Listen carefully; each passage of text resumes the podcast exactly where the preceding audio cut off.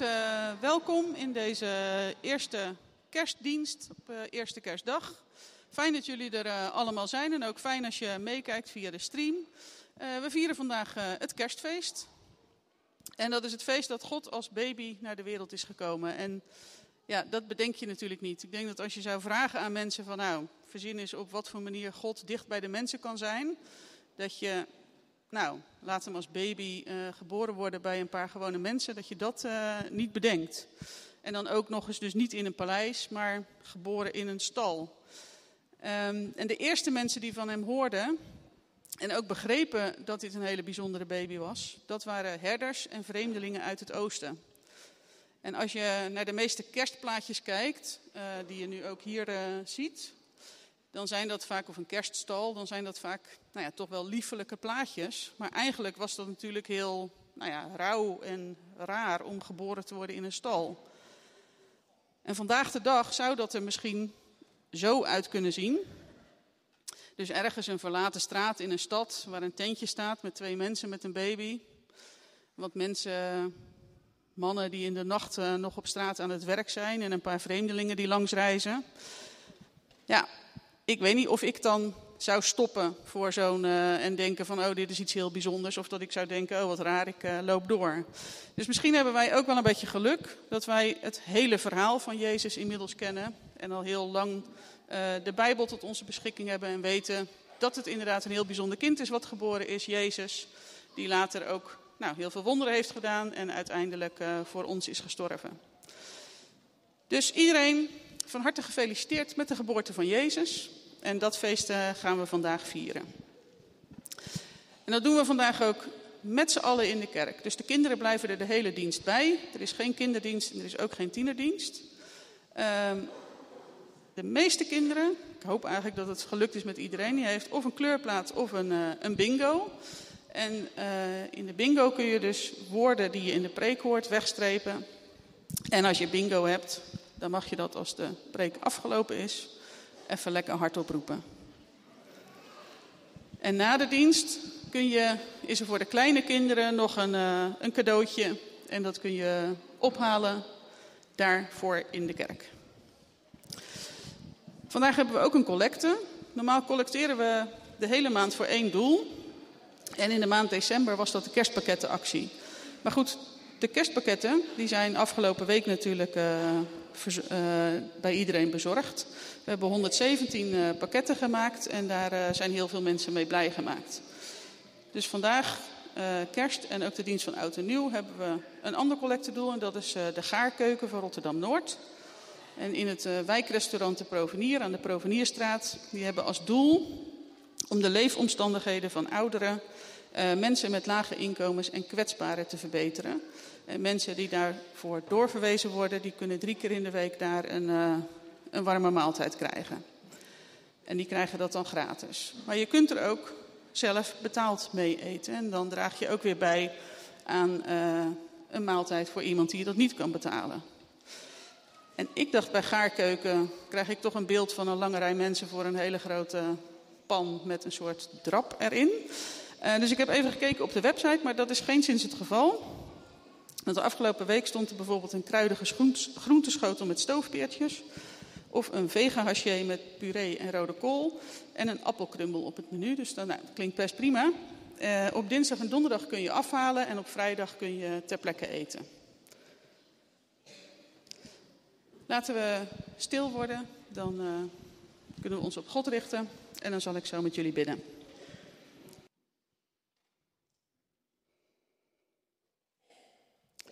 Goede God, we vieren vandaag de komst van de Verlosser. En we verwonderen ons over hoe hij gekomen is. We hadden in een tijd van politieke onrust een, als verlosser een koning verwacht of een generaal. Maar er kwam een baby. En we zijn 2000 jaar later daar nog steeds over verbaasd. Dat Jezus als baby, als mens bij ons kwam. En dat hij ons dus als geen ander begrijpt. Dat hij net als wij blijdschap kent, maar ook verdriet. Mooie vriendschappen, maar ook verraad kunnen genieten van samen eten, maar ook weten hoe het is om honger te hebben. Dat hij net als wij weet hoe het is om pijn te hebben en te lijden. We danken u, God, voor die baby in Bethlehem, het kind ons geboren. We danken dat u regeert en we eren u, wonderbare raadsman, sterke God, eeuwige Vader, vredevorst. Amen.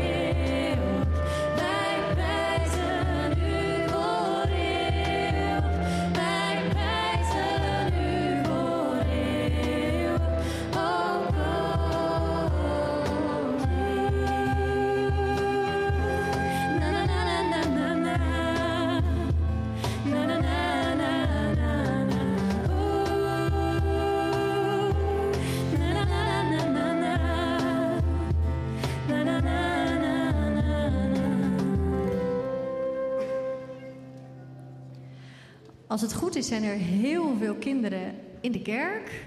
En die mogen allemaal naar voren komen. Want we gaan een uh, lied voor kinderen, met kinderen zingen.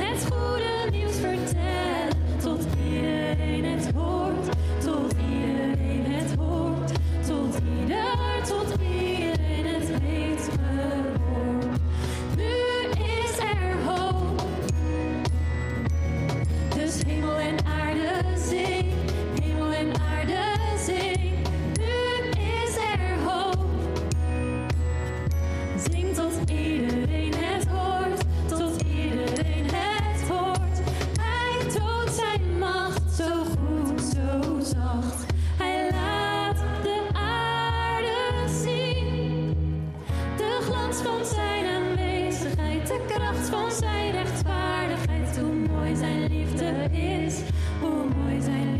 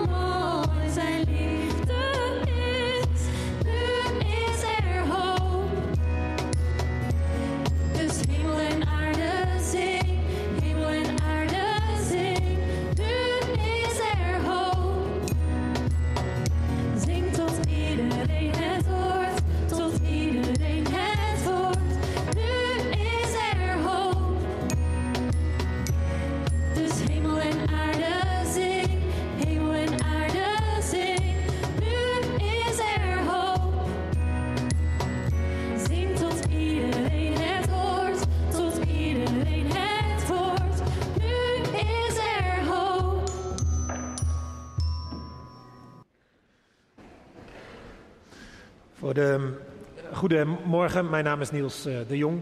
Mooi dat uh, de kinderen er nog uh, bij zijn. voor de kinderen die hier vaker komen, die weten dat ze na het tweede lied naar een andere ruimte gaan in deze kerk. Maar wat zij dan niet weten, wat jullie dan niet weten, is dat eigenlijk het mooiste altijd hier nog plaatsvindt. Jullie denken dat het leuk is om naar de kinderen te gaan, maar wat je ouders dan nooit verteld hebben, denk ik, is dat het mooiste hier is. De preek. En die ga je vandaag uh, meemaken. Moet je trouwens niet zeggen tegen de mensen van de muziek, want die denken dat, dat iets anders het hoogtepunt van de dienst is. Maar ik ben er toch van overtuigd dat het verhaal ergens middenin het hoogtepunt van elke dienst is. En vandaag mogen jullie dat uh, meemaken.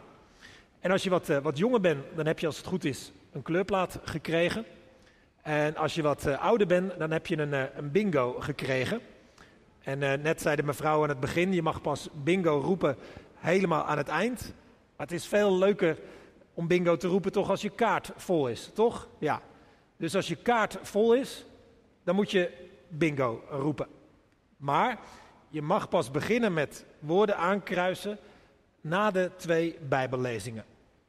En ik heb twee uh, assistenten uh, vandaag, Eden en Chris. En die lezen vandaag met ons het kerstverhaal uit uh, Lucas en daarnaast de uitleg van Johannes.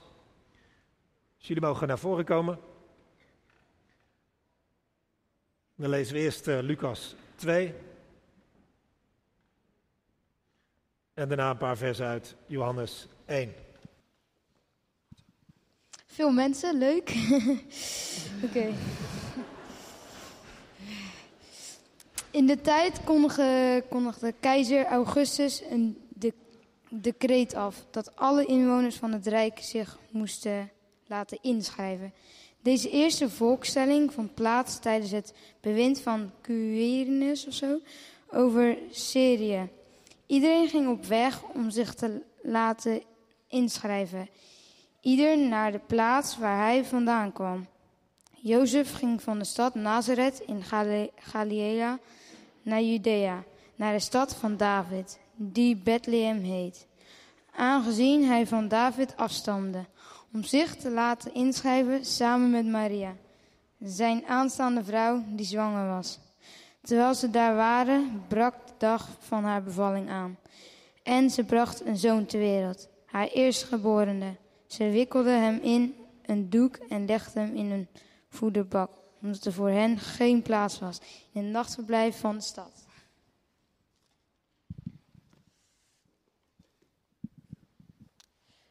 Het woord is mens geworden en heeft bij ons gewoond, vol van goedheid en waarheid, en wij hebben ze zijn grootheid gezien. De grootheid van de enige zoon van de Vader. Van hem getuigde Johannes toen hij uitriep: Hij is het over wie ik zei.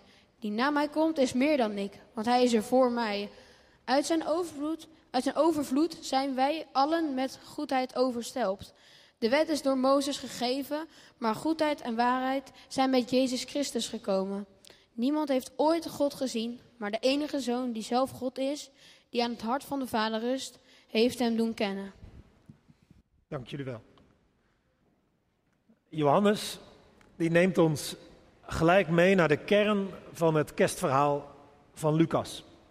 God werd mens. Eh, die interpretatie van het kerstverhaal vinden we wel in meer teksten uit de Bijbel, maar zelden zo duidelijk verwoord als in Johannes 1, vers 14. Het woord is mens geworden en heeft onder ons gewoond. Het, het is maar een zinnetje, maar het zegt heel veel. Zeker als we deze zin wat ontleden. En laten we dat doen, een beetje woord voor woord. Niet dat we daarmee het geheim ontrafelen van deze zin, want een geheim blijft het. Rond te krijgen wat, wat het precies zegt, dat is het niet. Maar ik hoop dat onze ogen er net wat meer voor open gaan voor dat geheim van kerst. God werd mens. Het woord is mens geworden en heeft onder ons gewoond.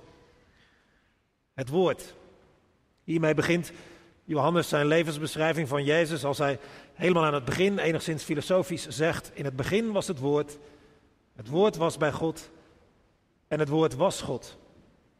Het was in het begin bij God, alles is erdoor ontstaan en zonder dit is niets ontstaan van wat bestaat. En uit de rest van die tekst van Johannes blijkt wel dat het woord niet alleen verwijst naar God, maar ook naar Jezus. En in hem is dat woord mens geworden. Je zou ook kunnen zeggen, hij is het in wie God zich uitspreekt naar de mensen. Dat God zich uitspreekt is in de Bijbel geen nieuwe gedachte. God is in de Bijbel heel vaak een sprekende God. Een God die zo contact zoekt, ingrijpt, helpt, richting geeft. En zo doet, dat, zo doet God dat in die geboorte van dit kind in Bethlehem, in Jezus, opnieuw. Zich uitspreken. Meer dan ooit.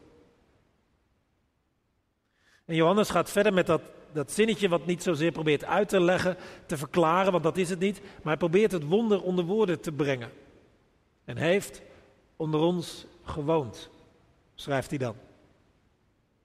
God heeft niet alleen de wereld bezocht, maar is er onderdeel van geworden. Heeft onder ons gewoond. Dat, dat, dat, dat wijst niet op een, nou, een soort comfortabel wonen, maar, maar letterlijk staat er iets als zijn tent onder ons opgeslagen. Hij is zogezegd niet komen wonen in een comfortabele wijk, maar is, is gekomen in, in een tent als het ware bij een nomadenstam, altijd onderweg. Er is een bepaalde Engelse Bijbelvertaling, eentje die extra verhalend is, die zegt: and, and moved into the neighborhood. Dat is dus niet helemaal letterlijk vertaald, maar, maar wel raak. God kwam in onze buurt wonen. En dat is niet per se een beste buurt. Maar daar zoekt hij ons op. Niet, niet met een bliksembezoek. Ook niet zoals een politicus een wijk bezoekt. Ook niet als een journalist die een paar weken of zelfs maanden probeert onderdeel van zo'n buurt te worden. Zelfs niet als een buurtwerker die er een paar jaar van zijn leven aan geeft. Maar als kind van de buurt. Als man van de straat. Als mens onder de mensen. Als een van hen. Hij heeft onder ons gewoond. En hij is vlees geworden. Dat staat er letterlijk. Mens geworden. Zo staat het in de vertaling die we gelezen hebben. Letterlijk vlees geworden. Met, met een duur woord incarnatie. Maar wat voor mooi woord je ook hebt. Vlees. Ja, dat is, dat is natuurlijk niet, niet zo'n fraaie benaming voor de mens. Maar God is zo mens geworden. God is een homp vlees geworden, kun je zeggen. Aardser kan het niet. Gewoner ook niet. Want, want vlees duidt op kwetsbaarheid en, zwakheid ook. Het is niet zo dat, dat mens zijn in zichzelf zo'n verheven staat was, dat er nog iets eervols in zat, dat God er nog wat in zag of zo. Dat het nog, nou ja, toch nog heel wat was van God om, om toch tenminste mens te kunnen worden. Nee. Nee, het vlees. Dat is het. En dat werd God. Jezus is de belichaming van God. Nog weer anders gezegd, God is een mens van vlees en bloed geworden. En zo in Jezus wordt God aanraakbaar, tastbaar, zichtbaar. En zo heeft hij onder ons gebivakkeerd. Ja, dat, als je daar langer over nadenkt, dat, dat, dat, dat plaatje aan het begin in je achterhoofd hebt, ja, daar is, is natuurlijk niks vanzelfsprekends aan. En uh, daar, daar, zie je dat, dat, dat God veel verder gaat dan je kon bedenken, dan, dan, dan redelijk zou zijn. God gaat heel, heel ver. En komt zelf op deze manier. Niet, niet een representant van Hem, niet zijn reddende hand, maar hijzelf. Niet alleen iets, een mens met iets goddelijks. Nee, God wordt mens. Waarom? Kun je je afvragen. Ik heb wel eens begrepen dat, dat je, als je tot de kern van iets wil komen, of tot de kern van iemands verhaal, of, tot de kern van een probleem, dat je, dat je moet blijven vragen naar het waarom. Dat je er dan vanzelf komt. Laten we dat doen, in de hoop bij de kern te komen. God werd mens, maar waarom? Nou, nou misschien een wat, wat vreemde vergelijking, maar het is het omgekeerde van The Masked Singer. Wie, wie kent dat? Van de, van, de, van de kinderen? Van de kinderen, ja. Volwassenen kijken het ook, zie ik. Kinderen, ja, zie je. Ja. Het is veel te laat eigenlijk, hè? Dan mag je helemaal niet kijken eigenlijk. Maar uh, jij bent nog wakker dan. Nou, ik weet niet of het tot het beste hoort wat de Nederlandse televisie uh, voortgebracht heeft. Ik bedoel dit ook niet als een kijktip. Maar voor wie het niet kent, een bekende Nederlander wordt in een pak gehesen en gaat een liedje zingen. En een panel van vijf mensen moet er dan achter zien te komen wie er in dat pak zit. En dat panel krijgt in de loop van het programma steeds wat meer hints. En op een gegeven moment moeten ze een gok wagen. En uh, ja, dan, blijft, dan blijkt of ze het uh, goed hadden of niet. En die vermomming en, en soms ook vervorming van stem, die wil die panelleden en de mensen thuis, thuis het juist niet makkelijk maken om iemands ware identiteit te ontdekken. Bij Jezus is het precies andersom. God wordt mens om juist mensen het makkelijker te maken om Hem te leren kennen. Het is niet verhullend, maar onthullend. God zet zichzelf in Jezus te kijk. Hij geeft zich bloot, zou je bijna kunnen zeggen. Waar, waar, waar, je, bij God kunt, kunt denken, ja, dat is zo ruim en algemeen en hoog en verheven. Daar, daar, daar doet God zijn best om,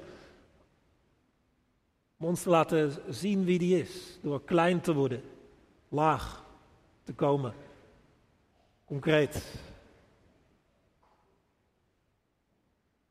Waarom kun je afvragen? Ja, blijkbaar wil God zich laten kennen. Blijkbaar wil hij ons mensen niet in het onzekere laten over wie die is, wat zijn bedoelingen zijn. En, en als je de Bijbel erop naslaat, dan heeft God ook al allerlei andere manieren benut om zichzelf te laten kennen. En soms via een bijzonder ingrijpen, soms via donder en bliksem, soms door aardbevingen of stormwinden, soms door een stilte heen. Soms door mensen heen die iets wisten te vertellen van God of namens God of over de toekomst. Of... Eh, eh, soms eh, liet God zichzelf kennen door, door een bijzondere samenloop van omstandigheden. Soms door te redden. Soms door een set richtlijnen te geven. Maar hoe, hoe God ook zijn best deed en mensen miskenden God zo vaak. Mensen misten Gods bedoelingen zo vaak. En als je, als je die Bijbel doorleest vanaf het begin en bladzijde na bladzijde, hoofdstuk na hoofdstuk leest, dan kun je het goed voorstellen dat God het op een gegeven moment opgeeft. En het voor gezien houdt met deze wereld in het algemeen en de mensen in het bijzonder. Blijkbaar willen mensen hem niet kennen. En zo aan het eind van het Oude Testament lijkt het ook stil te worden van boven. De sprekende God heeft niks meer te zeggen. Zo lijkt het. Alles is al gezegd, geprobeerd. Zo lijkt het. Maar, dan opeens, het Nieuwe Testament, opeens die geboorte van Jezus uit de hemel gekomen mens geworden. Het woord. God gaat verder, God spreekt, God laat zich kennen als nooit tevoren. Maar, maar waarom wil hij zich dan laten kennen? Kun je afvragen. Uiteindelijk, als je blijft doorvragen, zit het in Gods hart. De liefde die daar zit. Die toch elke keer weer zoekt naar mensen. Naar contact, naar een band. En daarom zich laat kennen. God houdt te veel van deze wereld in het algemeen en van mensen in het bijzonder om het op te geven, om het maar voor gezien te houden. En als je naar die geboorte van Jezus kijkt, dan, dan, dan weet je het weer. Het kan God wel degelijk schelen. Hoe het met mensen afloopt. Hoe het met de wereld afloopt. Hij houdt zoveel van ons. Dat hij van hoog naar laag kwam. Van groot naar klein werd. Van abstract concreet werd. Van God mens werd. Vlees. Hij hield zich niet achter, maar gaf zich helemaal. Hij gooit zichzelf in de strijd via een kwetsbaar kind. Waarom? Uit liefde dus. Dat zit er uiteindelijk achter dat mysterie van de menswording. De liefde van God. En ik weet wel, er is heel veel dat dit tegenspreekt. Er is zoveel gebeurd in de geschiedenis dat Gods betrokkenheid lijkt tegen te spreken. Er is zoveel in het, gebeurd in het nieuws, ook het afgelopen jaar, wat, waarvan je denkt, hoe, hoe kan dat nou als God van deze wereld houdt? En misschien ook wel in je eigen leven, dat, dat, dat, dat je soms zo weinig merkt van die betrokkenheid en liefde van God. Dat heeft ook iets pijnlijks. Iets onbegrijpelijks. Iets moeilijks. Maar kerst zegt dan, wat er ook gebeurt in de wereld, wat er ook nu gebeurt, in het groot en in het klein, wat er ook bij jou gebeurt of gebeurd is, wat de reden daarvan ook is, het is niet zo dat God je niet lief heeft. Het is niet zo dat God deze wereld niet lief heeft. Want in kerst zien we het weer. Hij is mens geworden. In onze misère, in onze rauwe grauwe wereld is hij gestapt. In omstandigheden die hard en verdrietig waren. Dat verklaart niet alles. Maar het houdt wel vol. God heeft lief. Ja, daar, heb je, heb je geloof voor nodig, denk ik, om dat te zeggen. Dus is een bepaalde manier van kijken naar dat verhaal van Lucas 2. Het, wel ergens daar, daar nog niet op lijkt. Zo'n kind ter wereld gebracht in een stal. En hè, bij Jozef en Maria, twee jonge mensen. En dat, om daarvan te zeggen, ja, daar zijn goedheid en waarheid in de wereld gekomen. Zo noemt Johannes dat ook. Daar is God in deze wereld gekomen. Daar heb je geloof voor nodig. De, ergens moeten je ogen daarvoor open gaan. Ja, daar moet je ogen voor krijgen. Dat is niet zo vanzelfsprekend dat je daar oog voor krijgt. Je kijkt er ook zo overheen. Dat is wel vaak, als je de Bijbel doorleest, Gods handelswijze. Om op de achtergrond, in het verborgen, te werken. Op, op zo'n manier te beginnen dat, dat, dat mensen er zomaar overheen kijken. Dat zie je ook weer in het kerstverhaal. Het is in een dorpje in Palestina, in het Romeinse Rijk van die dagen. In een stal, in armzalige omstandigheden, met straks wat herders op bezoek. God doet ook in de geboorte van Jezus weer geen moeite om op de voorgrond te komen. Hij doet geen moeite om een overweldige entree te krijgen. Hij doet geen moeite om de aandacht te trekken van mensen met macht en invloed. Ook toen kon je er makkelijk overheen kijken. En dat is nog steeds zo. Je kunt gemakkelijk over Jezus heen kijken. Zoals je ook in het leven gemakkelijk genoeg geen oog kunt hebben voor God. En zo ook als je kijkt naar de geschiedenis in het groot, of naar het nieuws, of naar je eigen leven. Waarschijnlijk is dat ook geen, bij jou ook geen aaneenschakeling van ingrepen van boven. Hoor je niet voortdurend een over het donderende stem vanuit de hemel. Zo werkt God niet, zo is God niet. Hij is geen God die zichzelf afdwingt. Hij is geen God die zichzelf gaat zitten te bewijzen. Hij is de God van kerst. Die komt in het verborgen, in het klein. Die op zo'n manier ontwikkelingen start dat je het nauwelijks doorhebt. Alleen als je geloof hebt, zie je het. Het is de weg van God, altijd weer, dat om geloof vraagt. En dan kun je het zien. Soms, soms ook in het groot, in het nieuws, in, in de geschiedenis, in je eigen leven. In al te toevallige omstandigheden. In een ommekeer ten goede. In een verrassende goedheid van, van mensen. In een nieuwe kans. In verzoening.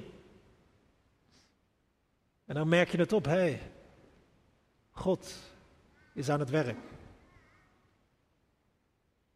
Ja, en natuurlijk, dat kun je allemaal weer, kun je allemaal weer wat tegenover zetten waar, waar, God dan niet te zien is en waar, wat, hoe je dat kunt rationaliseren en hoe je dat. Eh, dit... Ja. Maar hoeveel geloof je ook hebt, of weinig. Hoeveel je ook ziet van God, of hoe weinig. Hoe moeilijk je het ook vindt om vertrouwen te houden in Gods liefde en betrokkenheid. Of, of dat, dat dat iets heel natuurlijks voor je is. Hoe je ook piekert over alles in het, in het leven, in de wereld, met Jezus, met God. Of dat je een stil en rustig vertrouwen hebt. Hoe het ook bij je zit vandaag. Met kerst. Kijken we naar het gebeuren van Lucas 2. Waar de schijnwerper wordt gezet op die stal in Bethlehem. Waar Johannes van zegt, hier is God gekomen. Hij is onze wereld binnengetreden. En weet dus, dit is geen godvergeten plek. Dit zegt ons wat de reden ook van alles is. God is in zijn liefde verder gegaan dan we ons konden voorstellen. Wat ons zegt, hij weet ook hoe het hier is. Hij heeft onder ons gewoond. Hij weet hoe rauw en ruw het kan zijn. Wat ons zegt, we zijn niet aan onszelf overgeleverd. Wij niet, de volgende generaties ook niet. Maar dit, dit verhaal van kerst zegt niet alleen iets, het vraagt ook iets. Bijvoorbeeld van de kerk om ook te, met dat dure woord, te incarneren. To move into the neighborhood. Om bij de mensen te komen. Daar waar het ruw en rauw is. Het leven maar gewoon te delen. Maar, maar dit, dit vraagt niet alleen iets van de kerk. Het, het verhaal van kerst doet ook een appel op ons allemaal. Om niet onkwetsbaar, stoer en sterk te zijn. Ons te presenteren als iemand die geen hulp nodig heeft. Maar juist om naar de mensen toe te gaan. Om het leven te delen. Ook met mensen die anders zijn dan jij. Niet vanuit de hoogte, maar ernaast te staan. Met je eigen kwetsbaarheden, hulpeloosheid soms, onhandigheid misschien. En betrokken te zijn. Om jouw eigen poging te doen om net als God betrokken te zijn. En als je zo hoort wat het kerstverhaal zegt. Dat het is uit liefde van God. En als je zo doet waartoe kerst je aanspoort. Om je leven te delen. Naast mensen te gaan staan. Als je zo het hoort en het doet. Dan hebben die schrijvers Lucas en Johannes een doel bereikt. Amen.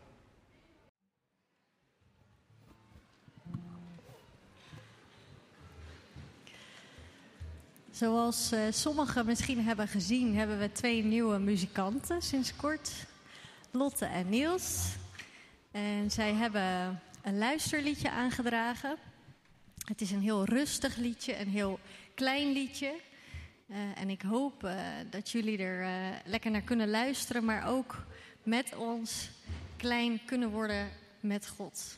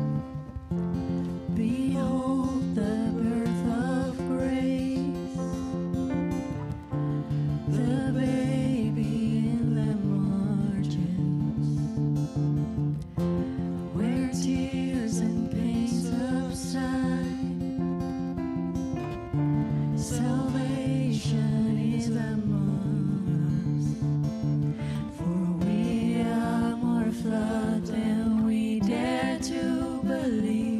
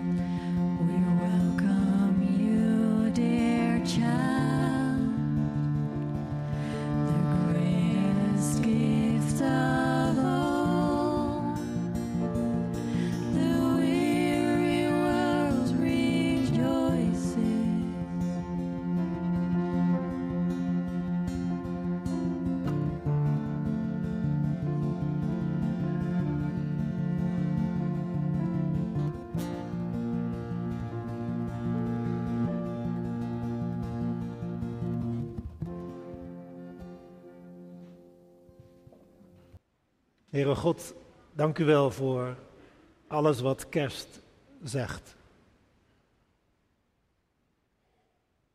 Voor dat verhaal van die geboorte in de stal in Bethlehem. En alles wat, daar, wat u daarin uitspreekt. Wij danken u ervoor. Dat u zo ver bent gegaan. Dat u zelf bent gekomen in deze wereld. Deze rauwe, ruwe wereld. Dank u wel. Dank u wel dat uw hart zoveel klopt voor deze wereld en voor ons mensen, voor een ieder van ons. En een ieder van die we ook maar ooit in de ogen zullen kijken. Dat u zo ver bent gegaan. Dank u wel. Ondanks ons, ondanks het slechte luisteren en het, het negeren van uw bedoelingen. En u bent gekomen. Dank u wel. Voor uw liefde. En wij bidden u dat we ook zullen doen wat het ons vraagt. Dat wij op u gaan lijken. Als kerk. Vergeef de kerk als ze dat zo vaak niet gedaan heeft. En soms ook meer bezig was met haar eigen plek en positie winnen. Maar dat de kerk, dat ook wij als Noorderlicht mogen lijken op u.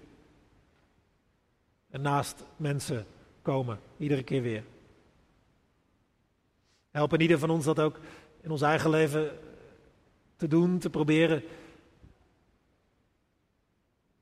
Om naast mensen te komen. Met onze eigen onhandigheid, met onze eigen tekorten. Wilt u ons daarbij helpen en leiden? Wij bidden u dat, dat steeds meer mensen mogen horen van dat goede nieuws van kerst. Dat u het niet opgegeven heeft, maar dat uw liefde er is en blijft. En hoewel er ook veel is wat daartegen spreekt, we bidden u dat wij mensen zijn en blijven die daarop vertrouwen, geloven in u en uw liefde. Wij bidden u of u uw betrokkenheid, uw liefde, uw, uw hart ook voelbaar, zichtbaar mag worden op die plekken waar, waar het eenzaam is en duister en alleen. Juist misschien ook met deze kerst in deze stad. Of op al die andere plekken in, in deze wereld. Wilt u dat laten merken op de een of andere manier? Verborgen misschien, of hoe dan ook, op uw manier. Dat u werkelijk betrokken bent. Dat u het niet opgeeft. En dat mensen niet aan zichzelf overgeleverd zijn. Gaat u zo met ons mee als we deze, deze kerst uh, ingaan? Zegen ons. Uh, als we met veel anderen dat nog gaan vieren. Of ook als we dat misschien in het klein, misschien zelfs op onszelf verder gaan. Wilt u ons tegemoet komen? En dat alles wat er is of niet is, dat dat ons niet afleidt van u en wat u gegeven hebt met kerst. We komen ook in de stilte bij u om iets van onszelf bij u neer te leggen. Dank of gebeden.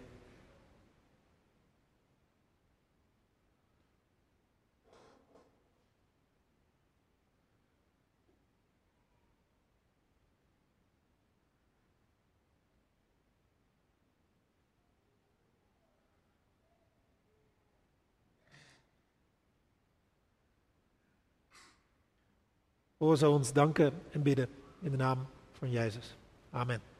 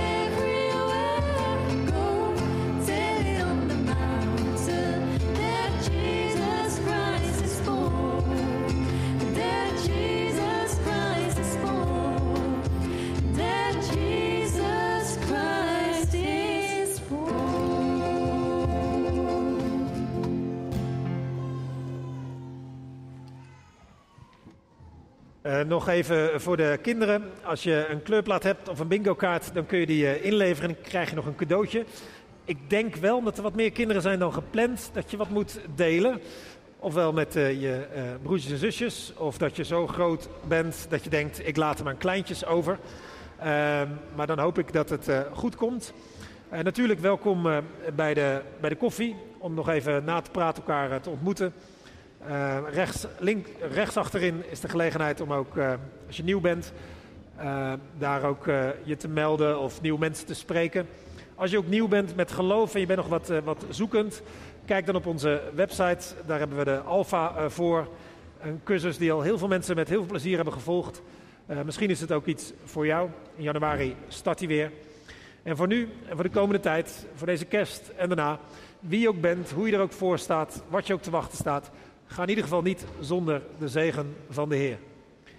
De Heer zij voor je om je de weg te wijzen. De Heer zij naast je om met je mee te gaan van stap tot stap. De Heer zij onder je om je op te vangen als je struikelt. Rondom je om je te beschermen tegen de boze. In je om je te troosten bij verdriet. En boven je om je te zegenen. En zo zegenen de Heer vandaag, morgen en voor altijd. Amen.